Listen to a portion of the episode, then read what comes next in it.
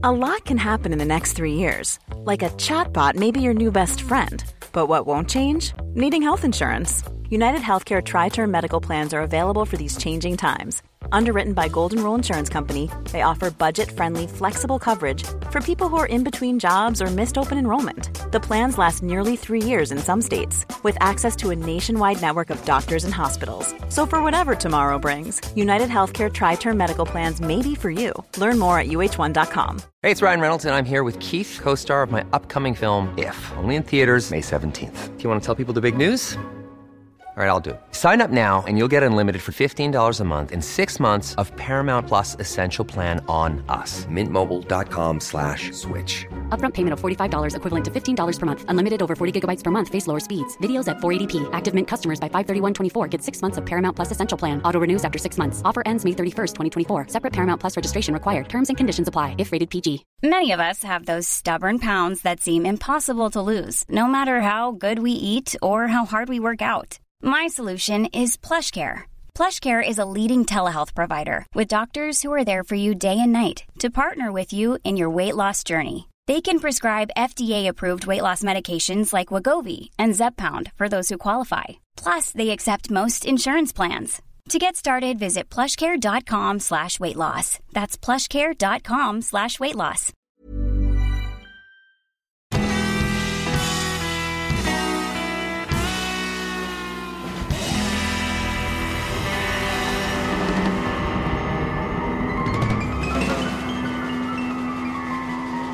Hej allihopa och välkomna tillbaka till ett nytt avsnitt av podcasten Ståpäls. Och det är ju jag, Ida, och på andra sidan luren har jag en mycket täppt Lukas. Ja, precis. en, Hej. Eh, hej. En förkyld sådan. Ja, det blev ju i lördags som du vaknade Ja. upp och var dålig. Natten till lördagen. Ehm, så att det har varit sedan dess. Ehm, Och är han så himla omtänksam vet ni, för jag umgicks med hans fru i fredags och sov över till i lördags. Och så fick jag ett, ett meddelande på morgonen så hej jag är sjuk, jag känner mig förkyld så om, om du vill åka hem på en gång är det okej. Jag bara alltså det är ingen fara. jag vill bara säga jag vill inte att du ska bli smittad för att jag ligger och har feber och ont i halsen och, och jag bara mig. nej jag vill ju kolla på Ghost Adventures. Ja. Jag var okej, då gör vi det. Eh, nej, men jag tänkte att man har ju blivit lite mer så efter covid och så att man tänker Mm. lite mer på att man inte vill smitta folk så att eh, ja, jag är inte Men, sjuk än så antagligen har jag inte blivit smittad. Så. Nej, förmodligen inte. Det är nog det är ju någonting från jobbet har jag ju förstått det som. Men ehm, nej, så jag hade feber i tre och en halv dygn ungefär. Ehm, och sen ja, ont i halsen, snorig, hostig och nu är jag mest täppt. Ja, Ehm, men har eh, Kim klarat sig eller? Ja, faktiskt. Än så länge. ja, så jag hoppas att det ska hålla sig så också. Jag har ju försökt hålla mig eh, alltså ifrån henne. Så att jag har sovit i gästsängen. Sen när hon kommer och ska jobba så har jag flyttat in mig till, henne, alltså till vår säng. och så har jag gjort så hela tiden för att inte jag ska vara närheten av henne. Mm, ja, för hon blir ju så jävla sjuk jämt. Ja, ehm, det är ju så när hon knappt inte har något immunförsvar men, Nej men precis. men så att ehm, Nej men vi Ja. håller väl tummarna. Du ska se hon kommer bli sjuk på torsdag då, eftersom ni vill gå på den här Ja. matmarknaden på fredag. Skulle inte förvåna mig. Men ehm, ja, så är det. Ja. ja. så att ni får liksom stå ut med min röst för det är jag som ska berätta Ja precis. Eh, Vi var ju ja. tveksamma till om vi skulle köra avsnitt eller inte men eh, du kände ju att nej men det går nog bra. Ja, tänker vi riva av den då så ja, blir det, blir det nog bra hoppas jag. Ja vi får väl Ehm. pausa och du får dricka om det behövs. Så. Ja, det, det är nog ingen fara. Men Ja. eh, ja, Ja, jag tänkte att vi skulle välkomna alla nya lyssnare till våran podcast. Det här är alltså Ståpäls podcast och eh, det är alltid jag, Ida och Lukas som eh, sitter och berättar om intressanta saker för varandra. Eh, och det är alla möjliga ämnen, alltså från true crime till creepypasta, paranormalt, intressanta händelser i historien, alltså det är olyckor, katastrofer, alltså you name You it. name it. Och Ja. eh, nej men alltså vi tar ju oftast något som den andra kanske känner till lite grann eller inte känner till alls. Och så berättar Mm. vi det för varandra och man, man får reagera och liksom eh, Ja men det blir som en enda stor diskussion alltihopa kan man säga. Ja, precis. Det och blir ju att det. Mm. eh, vi vill ha det lite avslappnat så här att vi ja, men, eh, Vi berättar ju för varandra som om vi skulle sitta hur som helst och berätta för varandra och så Mm. spelar vi in det typ. Ja, typ lite så. Ehm, och så får ni och- höra på det också. Ja, och om ni kikar in tidigare, tidigare säsongerna så hade vi ett annat koncept och det var att vi båda körde samma ämne varsitt fall varje vecka. Mm. Eh, men vi tänkte vi testa något nytt till den här säsongen. Dels för att avsnitten blev så långa och dels för att man ska få längre tid på sig att researcha och inte behöva tänka på att man måste hålla det kort. Nej, precis. Så nu kör vi ju ett ämne, en person. Mm. Helt rätt. Ehm, Och ni får väl... eh, vi får väl utvärdera detta som sagt i slutet av den här säsongen. Men eh, Ja, än så länge från mitt perspektiv så känns det eh, skönt att inte behöva liksom man spelar in och sen direkt när man spelat in så måste man börja tänka på nästa utan att man Nej, ändå har ett tag på sig. Som vanligt så har ju ingen av oss någon framförhållning. Alltså vi bestämmer ju ämnen långt i förväg. Men det är ju ingen av oss som, som har någon som helst liksom. Alltså jag är ju prokrastinerarnas mästare. Alltså det Ja. finns ingen som kan prokrastinera som jag. Nej, Alltså jag kan ju sitta kvällen innan och bara fuck, jag har inte skrivit till podden, vi ska spela in imorgon. Mm. Och bara öser igenom halva natten. Alltså Mm. ni förstår, alltså det är... Och göra så varje vecka blir ju lite stressigt. eh, ja det är ju inte så jättehållbart i längden. Men utan- alltså jag har ju tänkt, vi bestämde ju över en månad innan vi skulle börja. Så bestämde vi vilka ämnen vill du ha? Vilka ämnen vill jag ha? Vilket, alltså skrev vi liksom upp så vi har exakta listan. Och, och man tänker så här, men då kan jag ju skriva så jag har i alla fall några avsnitt. Har jag gjort det? Nej, Nej. nej. Det har ingen av oss gjort kan jag säga det. Ehm, Så att, men det, ehm, men det, jag tror det är så, eller vi är så, att man måste liksom känna den här lilla pressen att nu nu är det snart dags, nu måste jag liksom Mm. för att om jag har en månad på mig då är det så här, nej men det behöver jag inte göra idag, nej men det kan jag Nej göra men nästa snälla, vecka. jag gjorde ju likadant med min eh, eh, kandidatuppsats. Där har man ju en hel termin. Tror inte jag satt där sista månaden och hade panik. Då jag kommer aldrig hinna. man har liksom ett halvår på sig. Nej, nej, nej, nej, nej. Nej, Det ska ske liksom första Ja. advent, då börjar man. och så inför julen också, man bara Ja. yes, vilken ja, stress. det är fantastiskt. Så det handlar inte bara om podden, jag gör så med allt. Mm. Ja, jo men så är det. Men eh, ni, eh, vi, vi ger ju er någonting i varje fall. Eh, Ja, varje men vecka. gud. ehm, det har ju alltid kommit, man har alltid fått ihop något. Ja. Eh, och Och- sen så brukar man alltid säga till den andra så här i förvar, förvarna innan liksom. Ah, jag vet inte, jag tror inte det jag skrivit blev så jättebra. Alltså, jag vet inte. ja, jag vet. Och sen när man väl har gjort det så bara, men det vart ju jättebra. Ja, precis. Det, det gick ju. Det, jag fick fram det jag ville få fram och sådär. Ja, Eh, precis. Ja. Så att, eh, nej men så det, det är vår podd detta. Mm. Ehm, och eh, ja, vi har ju som sagt fått eh, fler lyssnare och det är vi väldigt tacksamma för. Ja, vi kanske ska förklara vår relation också. Jag är alltså, vi är alltså bästa kompisar. Jag träffade Lukas via hans fru, för hon och jag gick i gymnasiet ihop. Mm. Eh, så vi har. Eh, känt varandra i åh, det är eh, 14 år. Ja, Så då kan ni räkna ut hur gammal jag är. ja precis. och hur gammal jag är. Fast sig jag är två år äldre än dig så att ja. Mm. Ja, nu sa du ju det i alla fall. Så. Ja, Nej, men så det är, det är vår relation. Så att vi umgås väldigt mycket.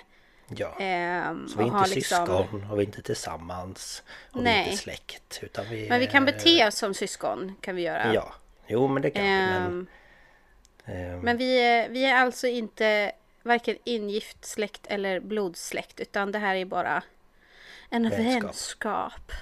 En vänskaplig En relation. oväntad vänskap. Nej jag skojar. Ja, typ. Nej men eh, så att vi, eh, vi har hängt ihop sedan dess. Ja, det har vi gjort. Ehm, Så att eh, vi får skylla på min fru. Eller Mm. Ja. på er, eller jag vet inte på vem. Ja du får skylla på oss och jag får skylla Ja. på henne då. Ja, lite så. Men Ja, jag tänkte nej, vi, vi eh, rättar till det för att vi har fått frågor om om vi är ihop eller syskon eller ja. Mm. Eh, mest tror jag folk tror att vi är syskon eftersom vi ändå pratar om din fru lite då och då. Men eh, Jo, precis. nu. Nej, jag är ju polyamorös. Ja, eller hur? Ingenting emot det, absolut inte. Men eh, jag bara Jo, menar lite. att jag, ja, jag, har, jag har inte fler än en fru. Nej. Nej. Där går fan Eh, gränsen. Vi kan dela mycket men inte det.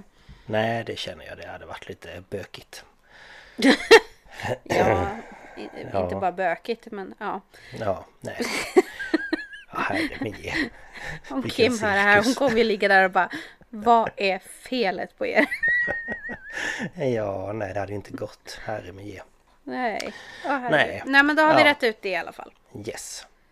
Men Ehm. eh, nu har vi ju svamlat på i snart 10 minuter eller någonting här. Så att eh, Mm. jag tänker att vi hoppar in i veckans ämne. Ja, det tycker jag.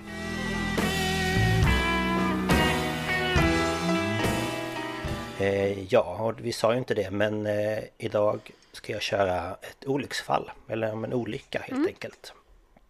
Och... Eh, Han ska berätta då om gången han halkade i trappen och stukade lillfingret. Ja men lite så. Eller när jag, eh, vad vet jag. Eh, Spräckte, det har jag väl berättat om när jag brallan hoppade... Ja, spräckte brallan på jobbet och... Ja men i Eh. fredags så. Ja men det, var, det måste jag berätta i fredags. Först så hade jag eh, tagit på mig eh, ett par kalsonger och de upptäckte jag att det var ett hål i. jag bara, ja ja. Och sen hade jag ett par byxor som jag inte använt på ett tag för det var en liten liten spricka liksom i typ eh, ja, men grenen. Eh, sen när jag skulle hoppa på cykeln till jobbet så sprack de ännu mer. Och sen när jag kommer till jobbet så upptäcker jag att jag har tagit på mig eh, strumpor där båda är hål i. Så det, stortån tittade fram och lilltån tittade fram. Och sen när jag skulle sätta mig ner för att städa upp eh, liksom grejer, alltså leksaker eller material på jobbet så sprack byxorna ännu mer. så de fortsatte spricka mer och mer under dagen så sen fick jag slänga dem. Ja och så det skulle var han ju- vara så snäll och cykla till affären åt oss och då kände jag han en härlig bris. Ja, och så var jag såhär, men shit, tänk om det liksom... Att man liksom, det är hål som man ser igenom hela... och så var det ju spöregn också så att det, Mm, det var roligt. Så att, det eh, var, ja, det väl var avsnittet för idag hörni. Tack så mycket för att Ja. jag... Tack för att ni har lyssnat. Eh, Det, jag skojar. Nej då, eh, jag ska faktiskt prata om något eh, mycket mer allvarligt. Ehm, Och det är då gasolyckan i Bhopal. Och den anses då vara den dödligaste industriolyckan i världen. Åh fy fan. Ehm, ja. Ehm, och jag har lyssnat på en podcast från BBC som heter Seriously. Och det är då fem avsnitt ehm, som tar upp ja, den här olyckan då. Ehm, sen har jag eller, lyssnat, eh, tittat på Youtube på en eh, kanal som heter Joe Scott om olyckan. Eh, sen har jag varit inne på britannica.com eh, och läst om olyckan. Och sen har de en egen hemsida som heter bopal.org eh, som då också ja, tar upp eh, fakta om olyckan. Och sen har jag varit inne på eh, Wikipedia och dubbelkollat lite grejer som man brukar göra. Ja. Jag tänkte jag skulle börja berätta lite om ja, Bhopal, alltså området och sådär. Eh, och Bhopal, även kallad Sjöarnas stad, är huvudstad i delstaten Madhya Pradesh som ligger i Indien. Och eh, man tror att staden grundades för ungefär tusen år sedan. Och eh, i lite mer än 100 år, mellan 1819 till 92, så var det en grupp av fyra kvinnor som hette Begums av Bhopal som då styrde i staden. Och det var väldigt speciellt för Ja, för liksom kulturen och eh, så. Mm. Att det var kvinnor som styrde. Ehm, och då Indien är en republik eh, är den här tiden då över. Men de som styr idag lever i princip som Bollywoods motsvarighet av The Kardashians. Mm -hmm. Alltså de är väldigt framgångsrika kändisar i Indien. Mm. Så att det är liksom väldigt eh, Ja men väldigt glamoröst och fina saker och de blir fotograferade av paparazzis och ja.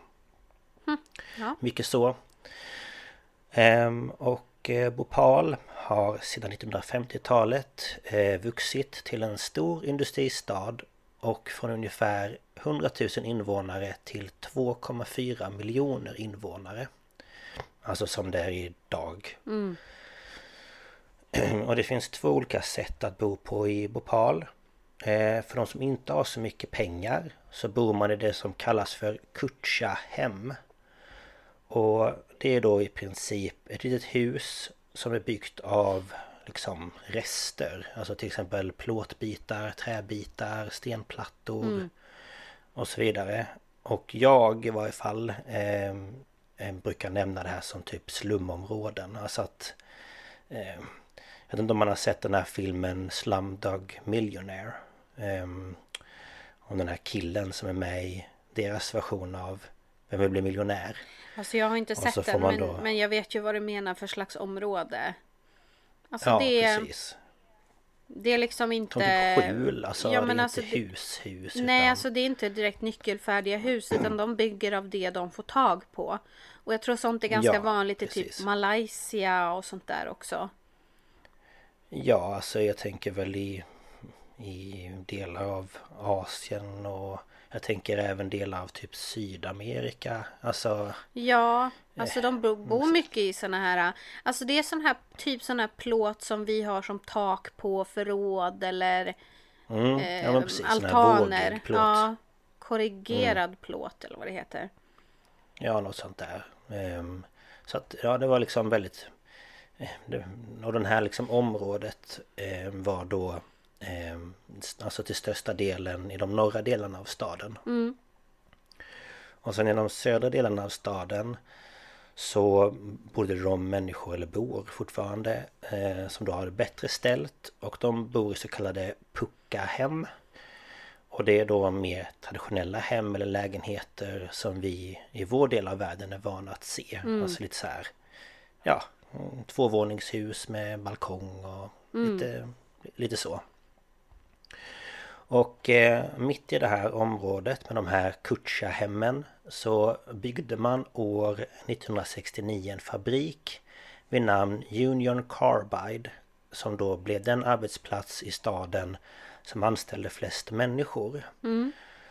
Och det här var då en kemisk fabrik som ägdes av Union Carbide India Limited eller UCIL och vid tiden för när detta då byggdes så började man i Indien att odla mer och mer saker och man började därför göra och behöva bekämpningsmedel. Mm. Och det var då alltså detta som Union Carbide skulle framställa. Okay. Och från början så tillverkades detta då i West Virginia, alltså i USA och skickades till Indien men för att då spara in pengar så bestämde man sig för att börja tillverka det här på plats istället. Ja, alltså det är ju säkert dyrt att köpa från USA men sen är det ju en jävla bit att frakta också. Mm. Jo men precis, det är ju Det är ju en bit så att säga. Det är ju liksom andra sidan världen nästan. Ja, lite så. Så att eh, Ja, så de eh, smällde upp en eh, fabrik där också så att det fanns i USA, Indien och ett i Frankrike. Mm. Så det var liksom de tre. Mm. Och de två olika produkter som man då tillverkade på Union Carbide det var Sevin, alltså S-E-V-I-N. Och jag känner igen eh, flaskan så jag tänkte jag kan eh, lägga ut på Instagram så får ni mm. se.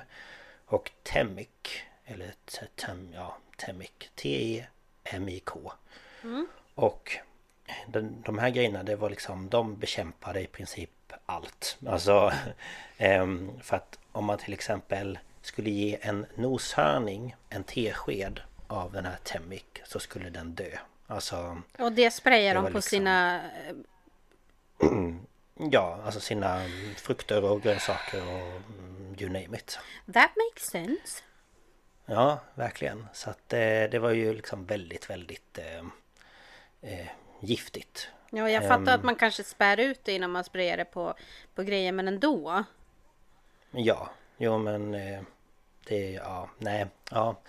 Ehm, och tanken var då att den här fabriken i Indien skulle vara en kopia av den i USA. Men problemet var bara att man var tvungen att dra ner budgeten med 8 miljoner dollar. Man bara, ja det var ju en liten summa. Ehm, och det innebar då att man inte hade råd att installera ett datasystem som man då hade i USA som var till för att liksom upptäcka och stoppa läckor. Ja, men vad fan! ja, Alltså, men det här är ju bara dömt att misslyckas alltså från början. men- om det är ja. något ni ska spara på när ni bygger sådana här ställen så är det då fan inte säkerhetssystemen i alla fall. Nej, man kan ju tycka det i varje fall. Men eh, jag kan säga att det här är bara början. Ehm, och det här innebar ju då att de som arbetade där, de var tvungna att upptäcka och åtgärda felen eh, manuellt. Alltså om de såg en läcka så var de tvungna att liksom täppa igen den och hålla på. Ett annat problem var att det endast fanns åtta avstängningsenheter, alltså då som kunde stänga av apparater och grejer. När man brukar ha 24 Ja men stycken. snälla rara. Ja, så att eh, det saknades ju saker där också. Och i fabriken så fanns det tre typ tunnor eller tankar under marken. Som alla tre rymde ungefär 60 ton eh, vätska. Och två av de här tankarna innehöll metylisocyanat som då används för att framställa det här bekämpningsmedlet. Och den tredje innehöll då rester, alltså restprodukter av eh, den här framställningen. Och varje tank hade ett kylaggregat för att då hålla innehållet nerkylt samt då valv för att man skulle då förebygga en explosion om det till exempel kom in luft eller vätska, alltså vatten och sånt i tankarna. Och jag lyssnade som sagt på den här BBC-podden och där eh, berättade de om en journalist eh, som eh, hette Raikumar Keswani och han arbetade då vid tiden för den här olyckan i Bhopal. och jag har då tänkt att jag ska eh, prata om hans perspektiv av eh, det som hände. Okej. Jag ska bara hackla mig lite först. Och han beskrevs då som en orädd journalist som skrev artiklar om sånt han då tyckte var viktigt. Och i december år 1981 så arbetade han med att publicera en tabloid eh, varje vecka i tidningen Rappat. Och den här tidningen är då känd för att publicera artiklar från olika kända personer i Indien och för att då hitta saker att skriva om så begav sig Keswani ut på stan där han då ja, kände många olika människor. Och en kväll eh, i stan då så ska han ha spenderat flera timmar till att prata med sin kompis Ashraf. Och under det här samtalet så ska Keswani skämtat med Ashraf eh, om att han borde sluta arbeta vid Union Carbide. Där han då arbetade som vaktmästare. Och istället prova Bollywood för att ja, han tyckte att han såg ut som en filmstjärna. Åh. Ja. Eh, men under det här samtalet så ska Ashraf istället blivit irriterad och börjat prata om att det knappt fanns några skyddsrutiner på fabriken och att det konstant var små gasläckor. Och han menade att han en dag skulle dö av det här då. Och några dagar senare så ska Ashraf och två andra vaktmästare på fabriken få till uppgift att då städa det här utrymmet på fabriken där man då tillverkade och förvarade den här metylisocyanaten. Mm. Ehm, och Och innan jag fortsätter så tänkte jag bara berätta vad det är för någonting. Ja. Ehm, och det är då ett kemiskt ämne som hör till gruppen isocyanater. Och det är vanligt inom kemisk industri och finns bland annat i lack, i färg, skumplast, fogmassa, lim och så vidare. Mm. Och det är då en färglös vätska ehm, med en doft som, eller ja, en doft eller en lukt som påminner om tårgas. Okej. Och eh, den är reaktiv, flyktig och explosiv om den blandas med luft. Ja. Ja, så det var ju liksom det de förvarade de här tankarna då. Ja, det var väl därför de hade um, kylaggregat och, och, och det där.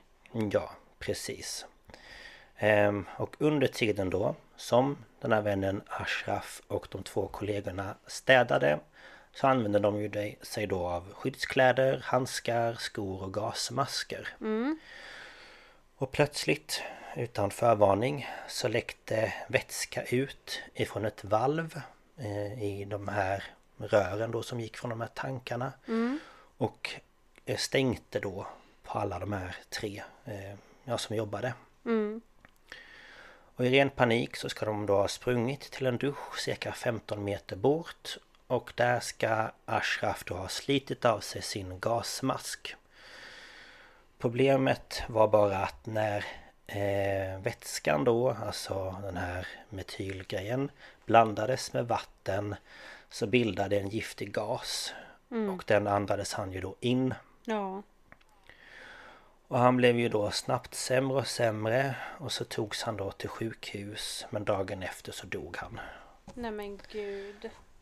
Ja, ehm, så att ja. Ehm, och Keshwani då, han blev såklart väldigt chockad och ledsen över det som hade hänt. Och det han dock då fick reda på i samband med sin väns död Det var att företaget höll liksom, orsaken till hans död hemlig. Och det var ingen av de övriga anställda heller som fick reda på vad det var som egentligen hade hänt. Så Keswani bestämde sig för att han behövde göra något eh, så att alla människor då i Bhopal skulle få veta hur Ja, vad som hade hänt helt enkelt, hur det Ja. låg till. Eh, Så han begav sig därför till en annan vän som tidigare hade då arbetat vid Union Carbide på produktionsavdelningen. Och det han då ville veta det var om hans vän dog av en olycka eller ja, inte. Och den här vännen då tar därför med honom för att träffa två före detta chefer för företaget. Och de båda menar på att det inte var en olycka utan ett resultat av för få säkerhetsanordningar. Ja. Ehm, Så Keswani börjar då i och med den här informationen att knacka dörr till de då som ja, leder och styr över företaget. Och alla han pratar med menar att säkerheten är den bästa som finns. Ja, absolut. Ja, och det här har han ju då väldigt svårt att tro på. Ja, alltså det är ju uppenbart att det inte är så. Ja, precis. Alltså han är så här, mm, nej, kanske inte riktigt. Ehm, så han bestämmer sig därför eh, att ta sig till ett eh, bods- bostadsområde i närheten av fabriken. Och det var ett sånt här kutcha eh, hems, alltså i de norra delarna helt enkelt. Eh, och frågar då runt om de eh, vet något, alltså hur, ja, hur det ser ut på fabriken och om de har märkt någonting eller sådär. Och då får han reda på att eh, det är ett rör, alltså en ledning från fabriken som de har liksom gjort så att den leder ner till en damm där de då bor. Och från det här röret så läckte det ut vätska i vattnet. Och kor som då har druckit därifrån ska bland annat ha dött. Och när han då frågar varför ingen har sagt något om ja, att det läcker ut liksom giftiga grejer i deras vatten så får han reda på att företaget betalar ut pengar för att invånarna ska hålla tyst. Så att de är liksom så här eh, Ja men ni får inte berätta för någon för att om ni, om ni inte berättar så får ni liksom flera tusentals kronor liksom. Mm. Och lever man i ett fattigt område så Ja, då kan man hellre ta emot de där pengarna. Ja. Ehm, och eh, Keswani i varje fall bestämde sig därför för att skriva en notis utifrån vad då de här förra ledarna för Union Carbide hade berättat och publicerade den då i en lokal tidning. Och för att kunna hitta mer bevis på att allt inte stod rätt till så tog han sin moped varje morgon och åkte till fabriken. Och där fick han då se och höra eh, arbetare som samlades varje dag utanför fabriken för att protestera. Och det de då krävde det var att få säkrare arbetsvillkor. Mm. Och eh, Keswani han liksom tog sig in i den här folkmassan och eh, ja, försökte då lyssna på vad det var folk sa. Och eh, det han hörde var bland annat att människor anställdes på olagligt vis. Alltså att de skrev inte på några ja, men dokument eller liksom så utan ja men du får jobba där. Och alltså de fick liksom ingen utbildning, ingen säkerhets... Eh, Nej och sen så är det väl det att då finns det ju ingen förteckning över hur många det är som jobbar där. Nej precis. Så att man visste alltså Det var liksom fuff, fuffens med allt det där. Mm. Eh, han fick också höra att det är konstanta små liksom läckor och att det finns enorma brister i säkerheten. Mm. Och han kände dock att för att människorna då i Bhopal skulle tro på vad han sa så behövde han mer bevis. Så han fortsatte därför knacka dörr och kom till slut över den officiella byggplanen för Union Carbide från 70-talet. Mm -hmm. Och där kunde han då bland annat läsa att företaget blev under 70-talet beordrade att flytta fabriken ut från staden då det inte var säkert att ha den där. Men Nej, det här alltså det känns ju inte som något som borde vara i närheten av där människor bor. Nej, och det här var ju mitt, alltså mitt i stan. Alltså ja. Centrum var liksom den här fabriken. Men vilket år Men, sa du att vi var på nu? nu är vi på 80-talet. Okej, okay, så den har ändå funnits där ett årtionde typ? Ja, den byggdes 69 och nu är vi 81. Ja. Mm.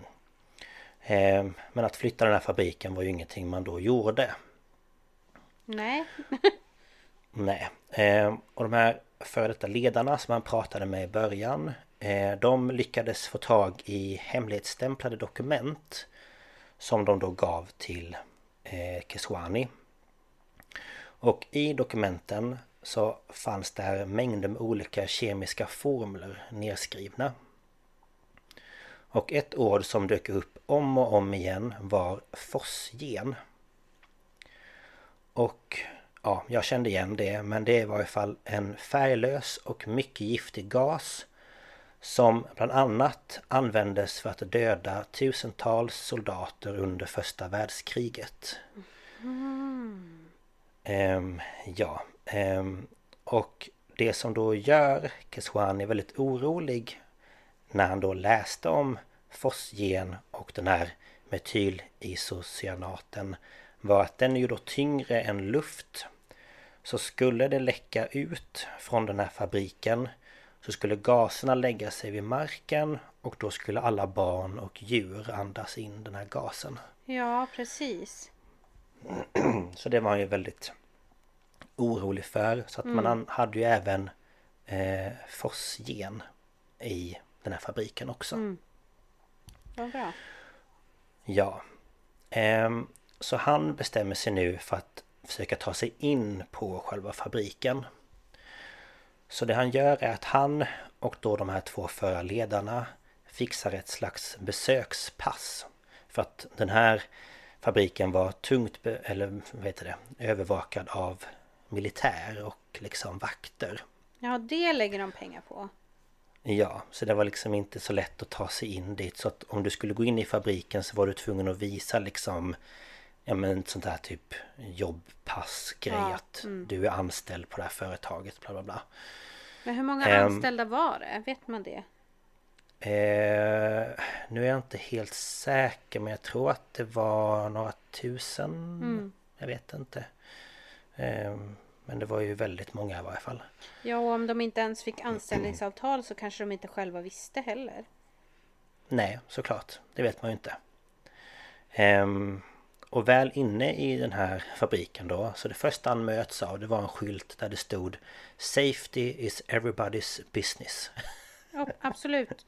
Förutom de som äger fabriken. Ja, men lite så. Jag bara... Ja, men det... Jo, men det är bra. Um, och det han då la märke till också under tiden eh, som han var där inne, det var att allt stod på engelska. Och det var något som många av arbetarna där inte ens kunde.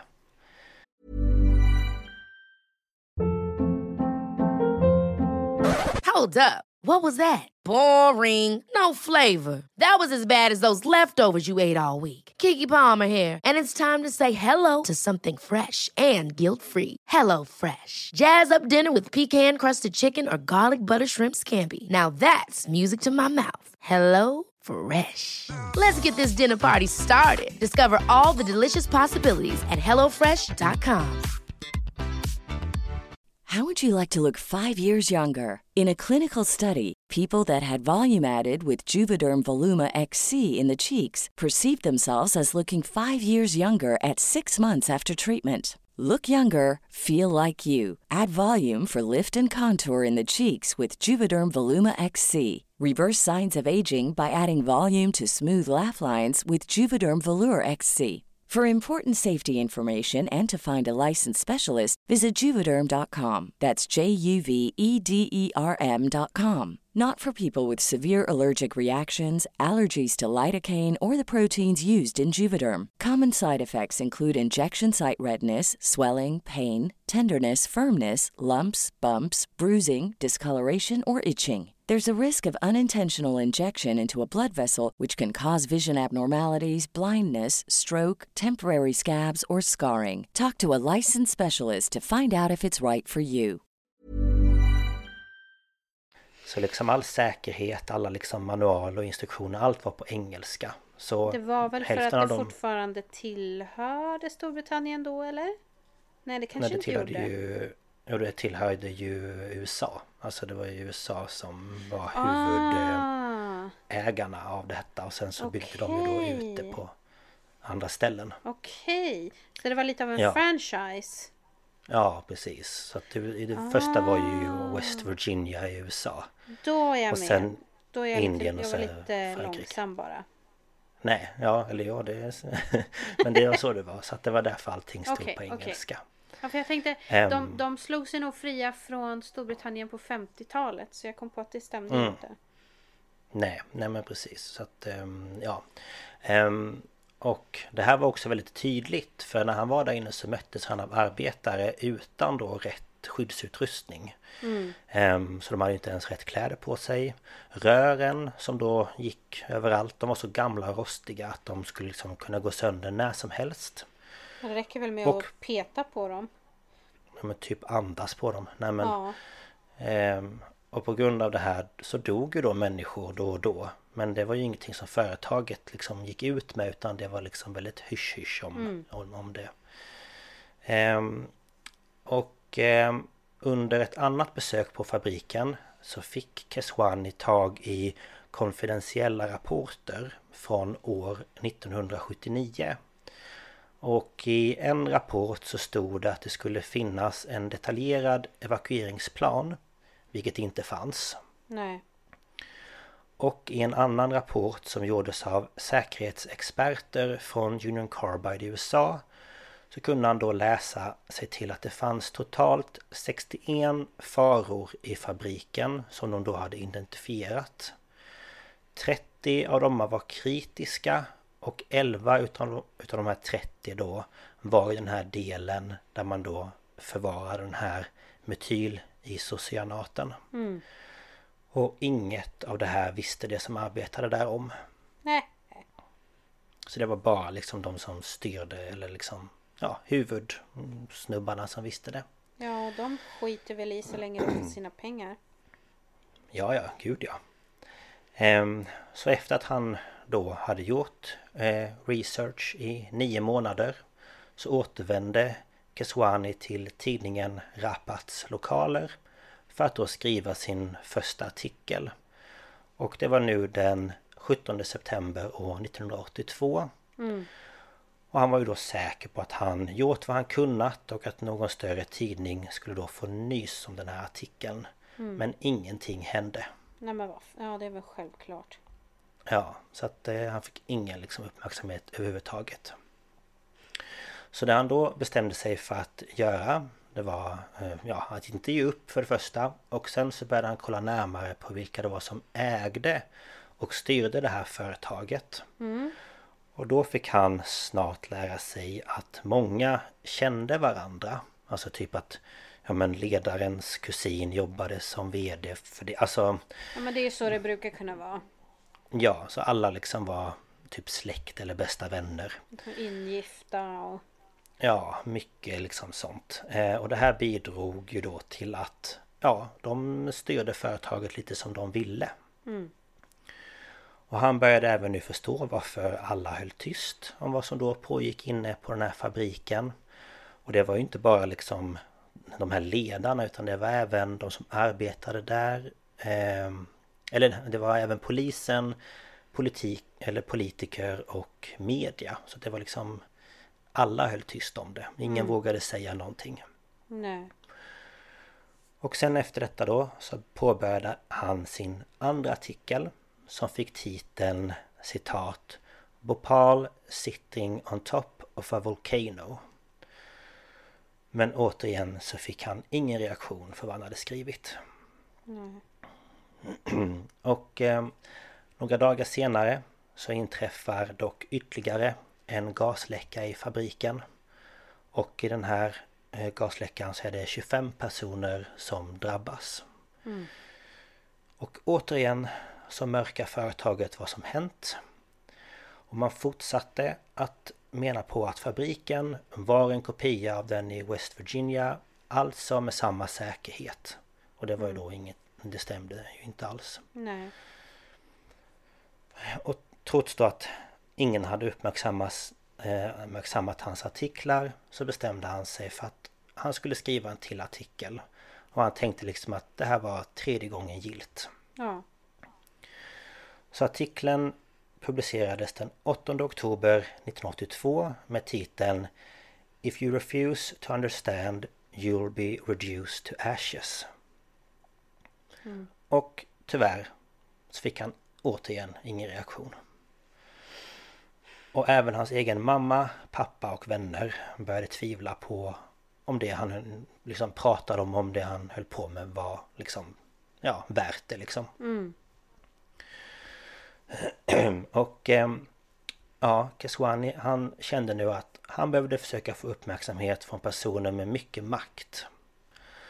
Så han, han eh, ordnade därför så att han fick träffa lagstiftare från den här staten. Mm.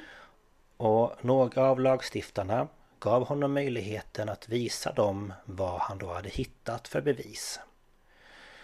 Och i december samma år så är det två av dessa personer som då lyfter frågan om säkerheten vid Union Carbide.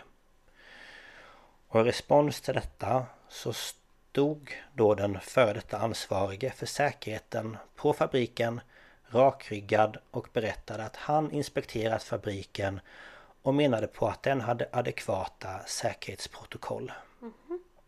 Och det trodde ju då de här lagstiftarna på. Ja. För att hans ord vägde ju större än den här journalisten. Så ja, Keswani kände där då att hans sista utväg var att kontakta Högsta domstolen i Indien då. Och han bestämde sig därför för att skicka in all den fakta och den information som han hade samlat ihop. Och några dagar senare så fick han ett brev från Högsta domstolen där det då stod att han eh, ja, att de hade tagit emot hans ärende helt enkelt. Mm. Men ja, väntetiden är ju såklart väldigt lång. Och då han kände att han inte liksom fick någon framgång så bestämde sig Keswani att år 1983 lämna Bhopal. Och han fick då ett jobb på en annan tidning och flyttade till Indor vilket är då en liten stad i närheten av Bhopal. Mm. Och samtidigt som han då bodde eh, där så hade Union Carbide gjort stora förluster. Och fabriken då i USA och den i Indien, de kommunicerade fram och tillbaka och kom fram till hur de då skulle dra ner på utgifter. Och eh, de bestämde sig bland annat för att dra ner på personal från avdelningen med den här metylisocyanaten från 12 till 6 arbetare. Vaktmästarna som då, ja men, eh, vad ska man säga, skötte så att allting funkade som det skulle drog man ner från sex till två stycken. Mm. Och i juni år 1984 vilket då var ungefär sex månader före den här olyckan som kommer komma Så bestämde man sig för att koppla bort kylaggregaten Som då var designade för att kyla ner den här gasen i förvaringstankarna mm. Och det gjorde man för att dra ner då ännu mer på utgifterna För de hade nämligen kommit fram till att aggregaten inte längre var nödvändiga Nej, okej okay. Nej, man bara, nej men varför har ni haft dem då hela tiden fram tills nu då? Eller, ja, va? Ehm, problemet var ju bara att kylaggregaten förhindrade ju den här gasen från att värmas upp. Och värms gasen upp så ja, kan det ha förödande konsekvenser. Ja. Och eh, det som företaget sparade in på detta det var 37 dollar om dagen. Nämen. Så det var ju liksom inga stora summor. Nej. Ehm, men det här var inte det enda som ledningen valde att göra. Utan eh, gasförbränningsanordningen som då brände ångorna från metylisocyanaten var sedan innan ur funktion. Och de här ventilerna som skulle hjälpa till vid mindre läckage var urkopplade på grund av underhåll. Så det innebar att alla säkerhetsåtgärder var ja, urkopplade eller ur funktion. Och alla de här besluten kom då från ledningen från då ja, Union Carbide i USA. Så det var inte ens de i Indien utan det var ja, USA som tyckte att det här kan ni göra för att spara in pengar. Mm. Ehm, och efter att ha bott i Indor ett tag så bestämde sig Keswani till slut för att han var tvungen att återvända till Bhopal för att då fortsätta försöka få människor att förstå vad som höll på att hända. Och han började då skriva till de största tidningarna i Indien och han tänkte att om liksom de här nationella stora tidningarna, typ som om vi skulle ha Aftonbladet och Expressen och sådär om de då skriver om detta så behövde då regeringen ta det seriöst. Mm.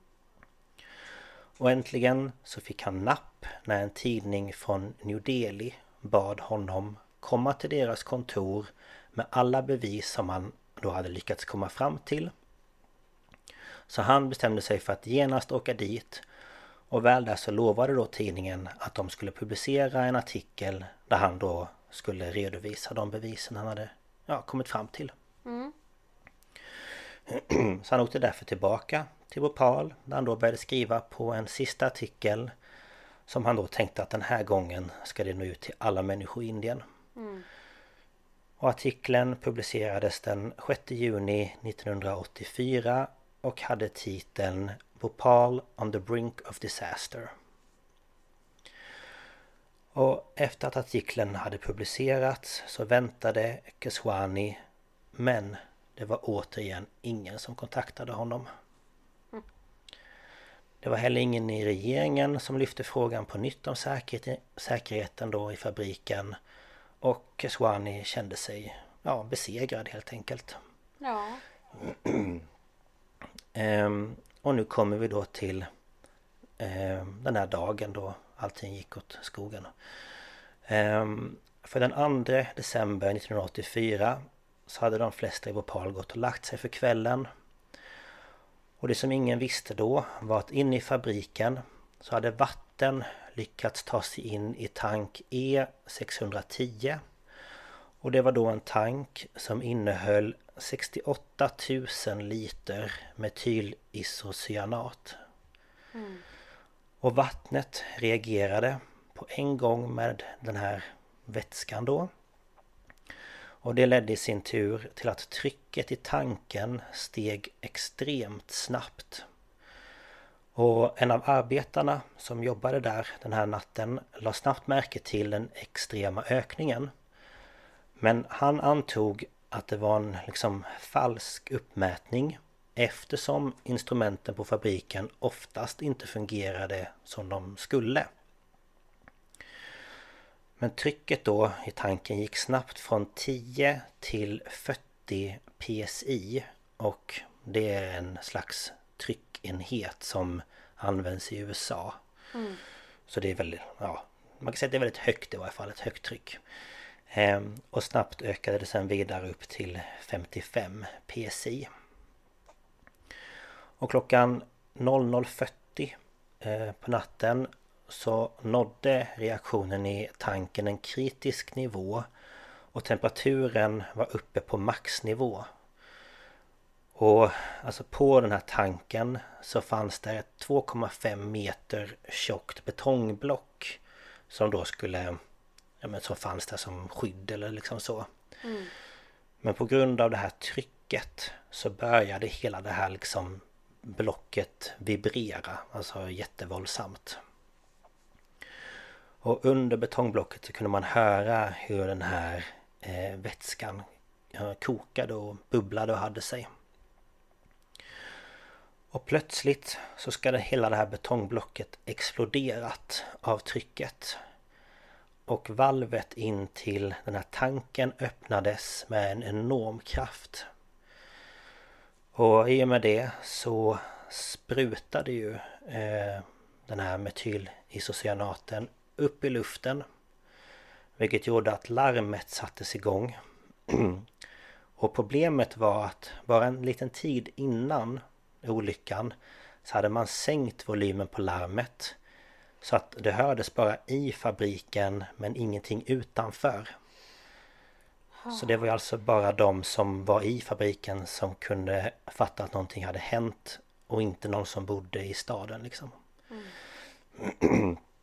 och det har då senare också kommit fram att det fanns inga planer eller strategier för hur man skulle evakuera fabriken. Det var liksom ingenting som man hade gått igenom eller Ja men typ så här, här är eh, ut, alltså här går vi ut om det börjar brinna eller här, alltså så, ingenting.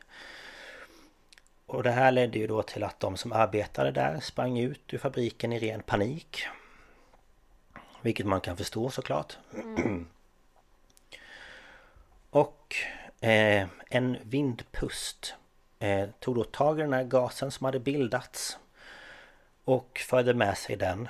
Och den spred sig 40 kvadratkilometer över hela staden. Mm. Och folk som då låg och eh, ja, de låg ju som sagt och sov. Och gas vet vi ju att den kan ju sippra in genom både det ena och det andra. Så den tog ju sig in genom springor i fönstret och vissa sov med öppna fönster och ja, men genom ventiler och ja, men så luftkonditionerings... Mm. Eh, allt sånt där liksom. Och Keswani, eh, han minns att han vaknade med ett ryck och med en känsla av att det var liksom någon som ströp honom.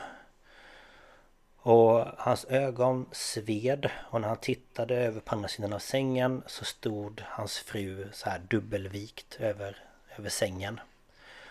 Och han förstod på en gång vad det var som hade hänt. Så han och frun väckte resten av familjen och sedan så flydde de därifrån på två skotrar så de fick liksom, ja, packa alla där på sen bara köra iväg. Mm. Och klockan 01.25 så ringde polisen till fabriken för att det var liksom några poliser som var stationerade att övervaka den här fabriken. Och de ringde då och frågade vad är det som har hänt? Och till svar så får de äh, höra att nej men allting är okej, det har inte hänt något. Nej. Nej, inte alls. Och samtidigt så fylldes ju då gatorna i Bhopal av människor som hade panik. Och folk sprang runt utan att veta vad de skulle ta sig till. Och livlösa kroppar började då ja, samlas, alltså de låg utspridda på gatorna. Mm. Och människor sprang över de här människorna i panik och hostade och kunde inte få någon luft och ja. Um, och på det lokala sjukhuset så strömmade det in patienter som självklart hostade extremt mycket. Och människorna hade som sagt panik och läkarna visste inte vad de skulle göra. Så de ringde i sin tur till eh, fabriken då flera gånger och frågade vad ska vi göra? Vad liksom, vad, vad brukar ni göra? Eller liksom, ja. Mm. Och då fick de bara till svar att de skulle torka av patienternas ansikten med vatten. Man bara men den har ju gått in i deras luftrör, alltså ja.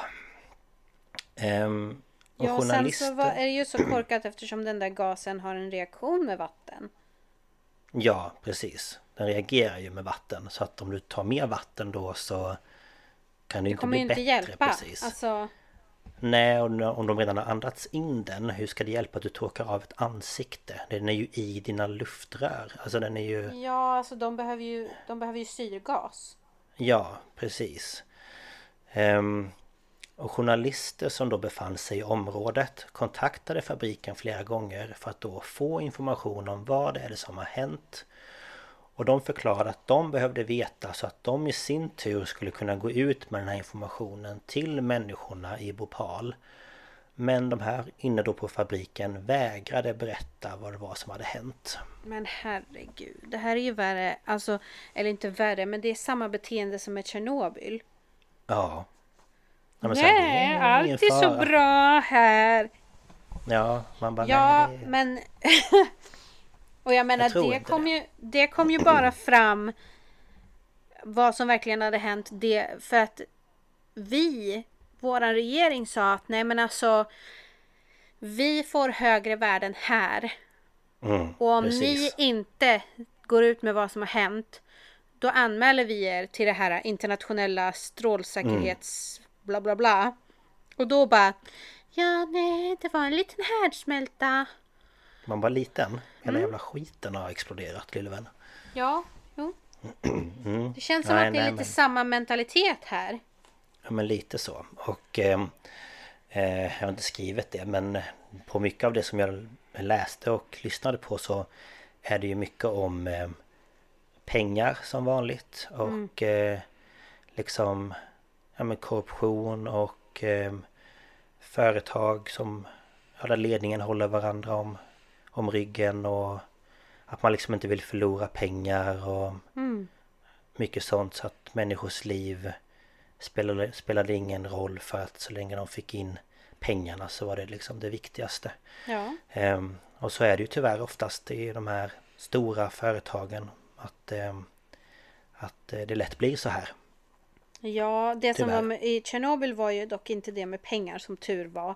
Utan det Nej. var ju mest att det var Sovjet som inte ville att ja. västvärlden skulle Jo, såklart. Få veta någonting. Det var ju liksom mm. kalla kriget och, och sånt där. Mm. Men... Mm. Ähm, men ja, ja ändå. Ähm, ja, nej men ja så att... Men sjukhuset i varje fall Eh, de hann inte med att behandla alla som kom in för att det var ju så extremt många. Ja. Så de personer som ja, tyvärr dog de eh, var de tvungna att rada upp utanför sjukhuset tills då anhöriga kunde komma och ja, hämta upp dem och liksom identifiera att ja, men det här är min ja, mamma eller mormor eller pappa eller ja, mm. you name it. Um, och uh, ingen vet exakt hur många som dog den natten. Men man tror att mellan 7 till 10 000 människor dog de tre första dagarna. Mm. Och ungefär 15 000 mer har dött efteråt av sjukdomar som var då relaterade till den här olyckan som olika luftvägs... Uh, ja, grejer. Mm.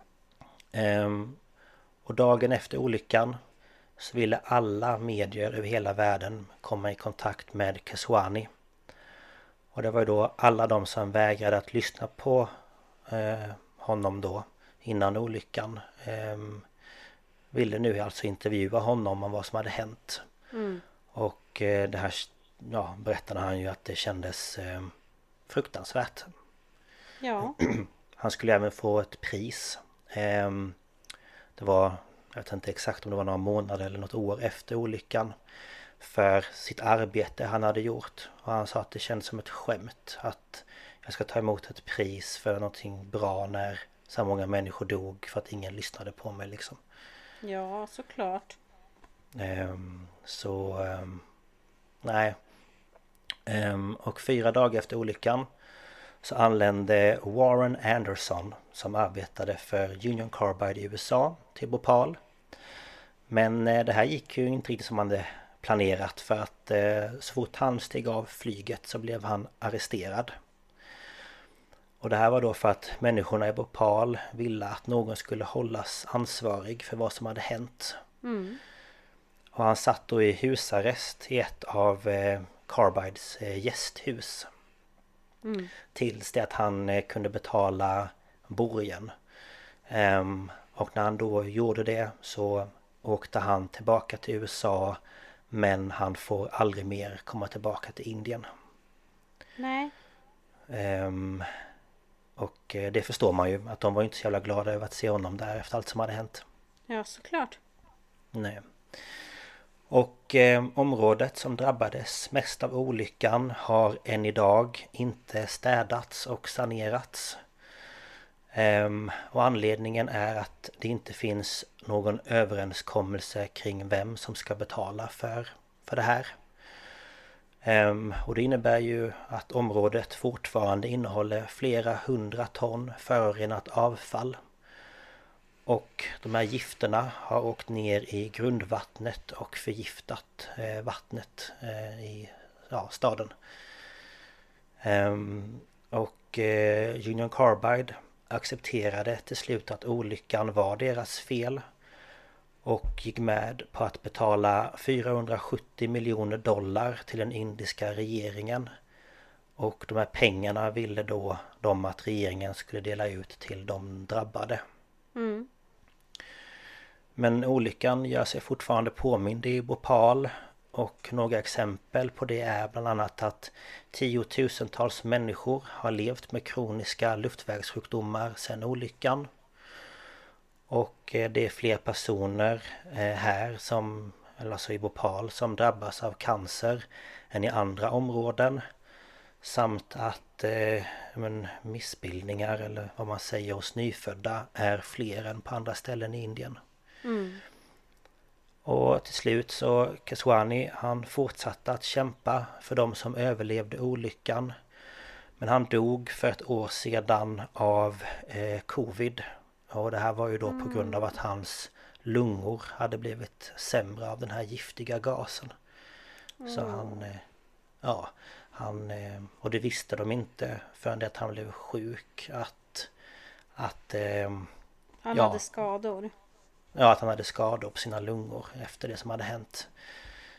för att de tyckte alltid att han var så pigg och ja, men, sprang och liksom höll sig aktiv och sådär men... Mm. Så att han, ja han dog som sagt 2021. Eh, Uff, det var ju tråkigt. Ja. Men eh, ja, det var... Det var olyckan i Bhopal. Ja, alltså jag, jag både känner igen det och inte känner igen det. Om du förstår ja. vad jag menar. Ja, nej, Det var vissa jag... saker du sa som liksom väckte något i huvudet, men... Ja, jag har ju hört talas om Union Carbide. Eh, det var något som klingade liksom när jag hörde det. Mm. Och sen... Eh, ja, men jag hade så svårt att välja för först eh, hade jag tänkt att jag skulle ta någon sån här... Eh, med sån här mass, eh, seriemasskrock-grej.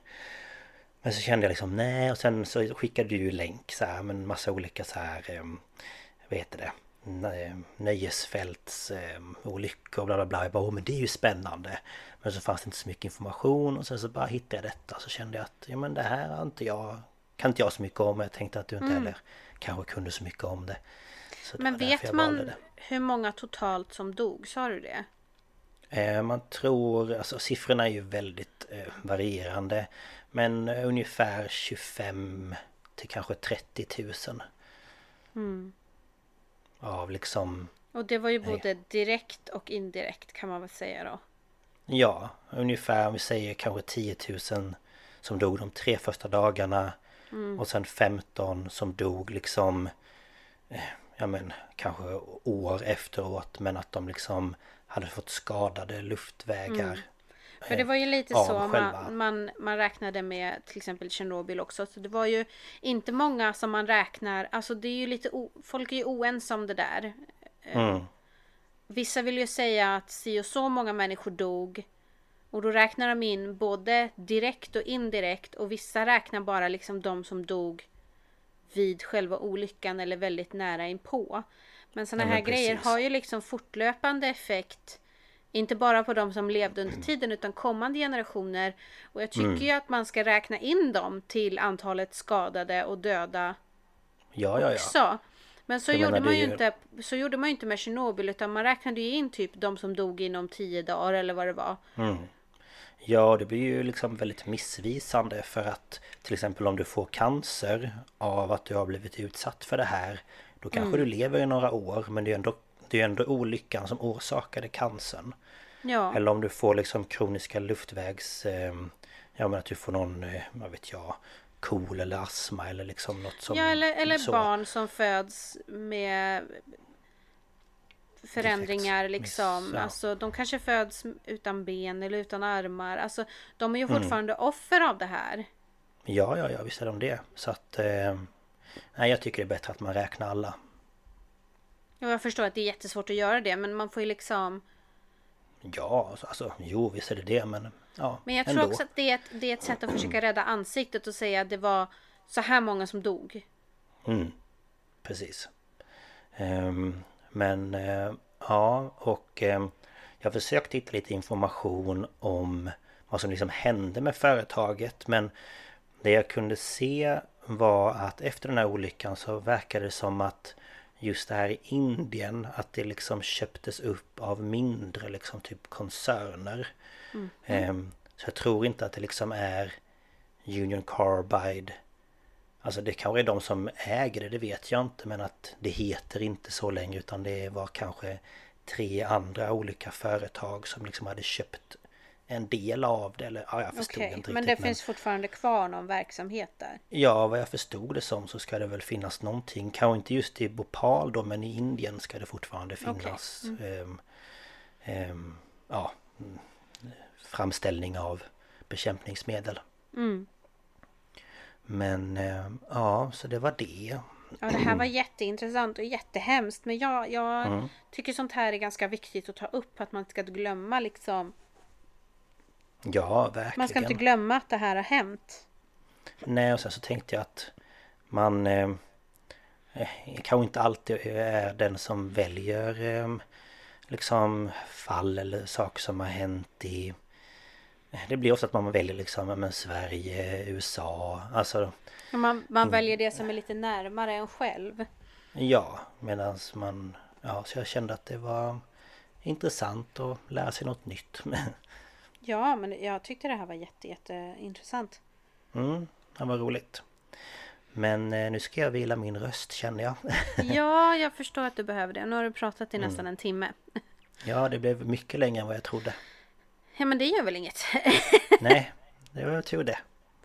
Ja.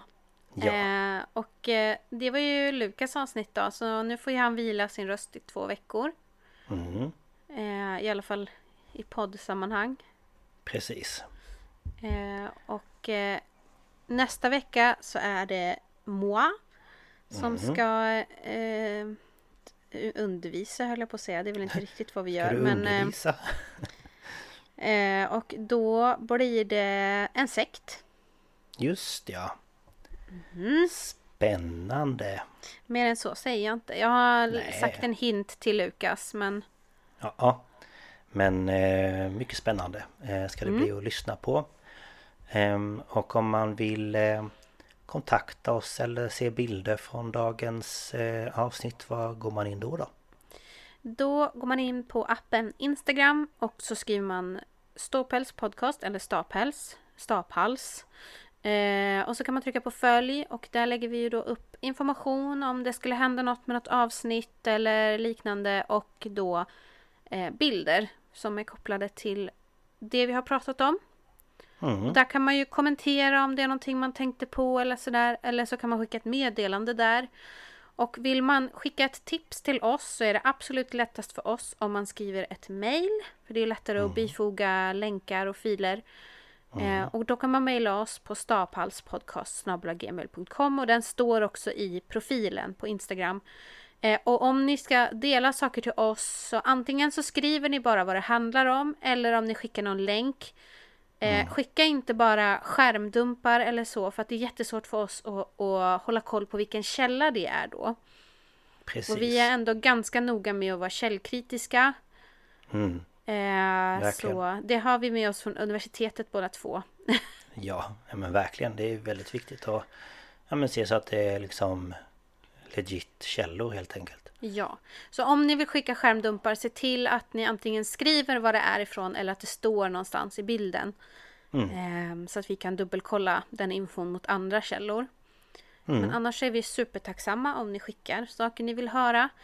Eh, den här säsongen är ju som sagt var i stort sett planerad men om ni skickar något superintressant så kanske vi ändrar oss. Mm, annars är det ju bara att skicka in för kommande säsonger. Ja, precis. Eh, det blir vi jättetacksamma för. Mm. Men eh, ja, det var allt för den här veckan helt enkelt. Mm. Och eh, tack för att ni har lyssnat. Tack så mycket. Ha det bra. Ha det gött. Hej då! Ja, hej då!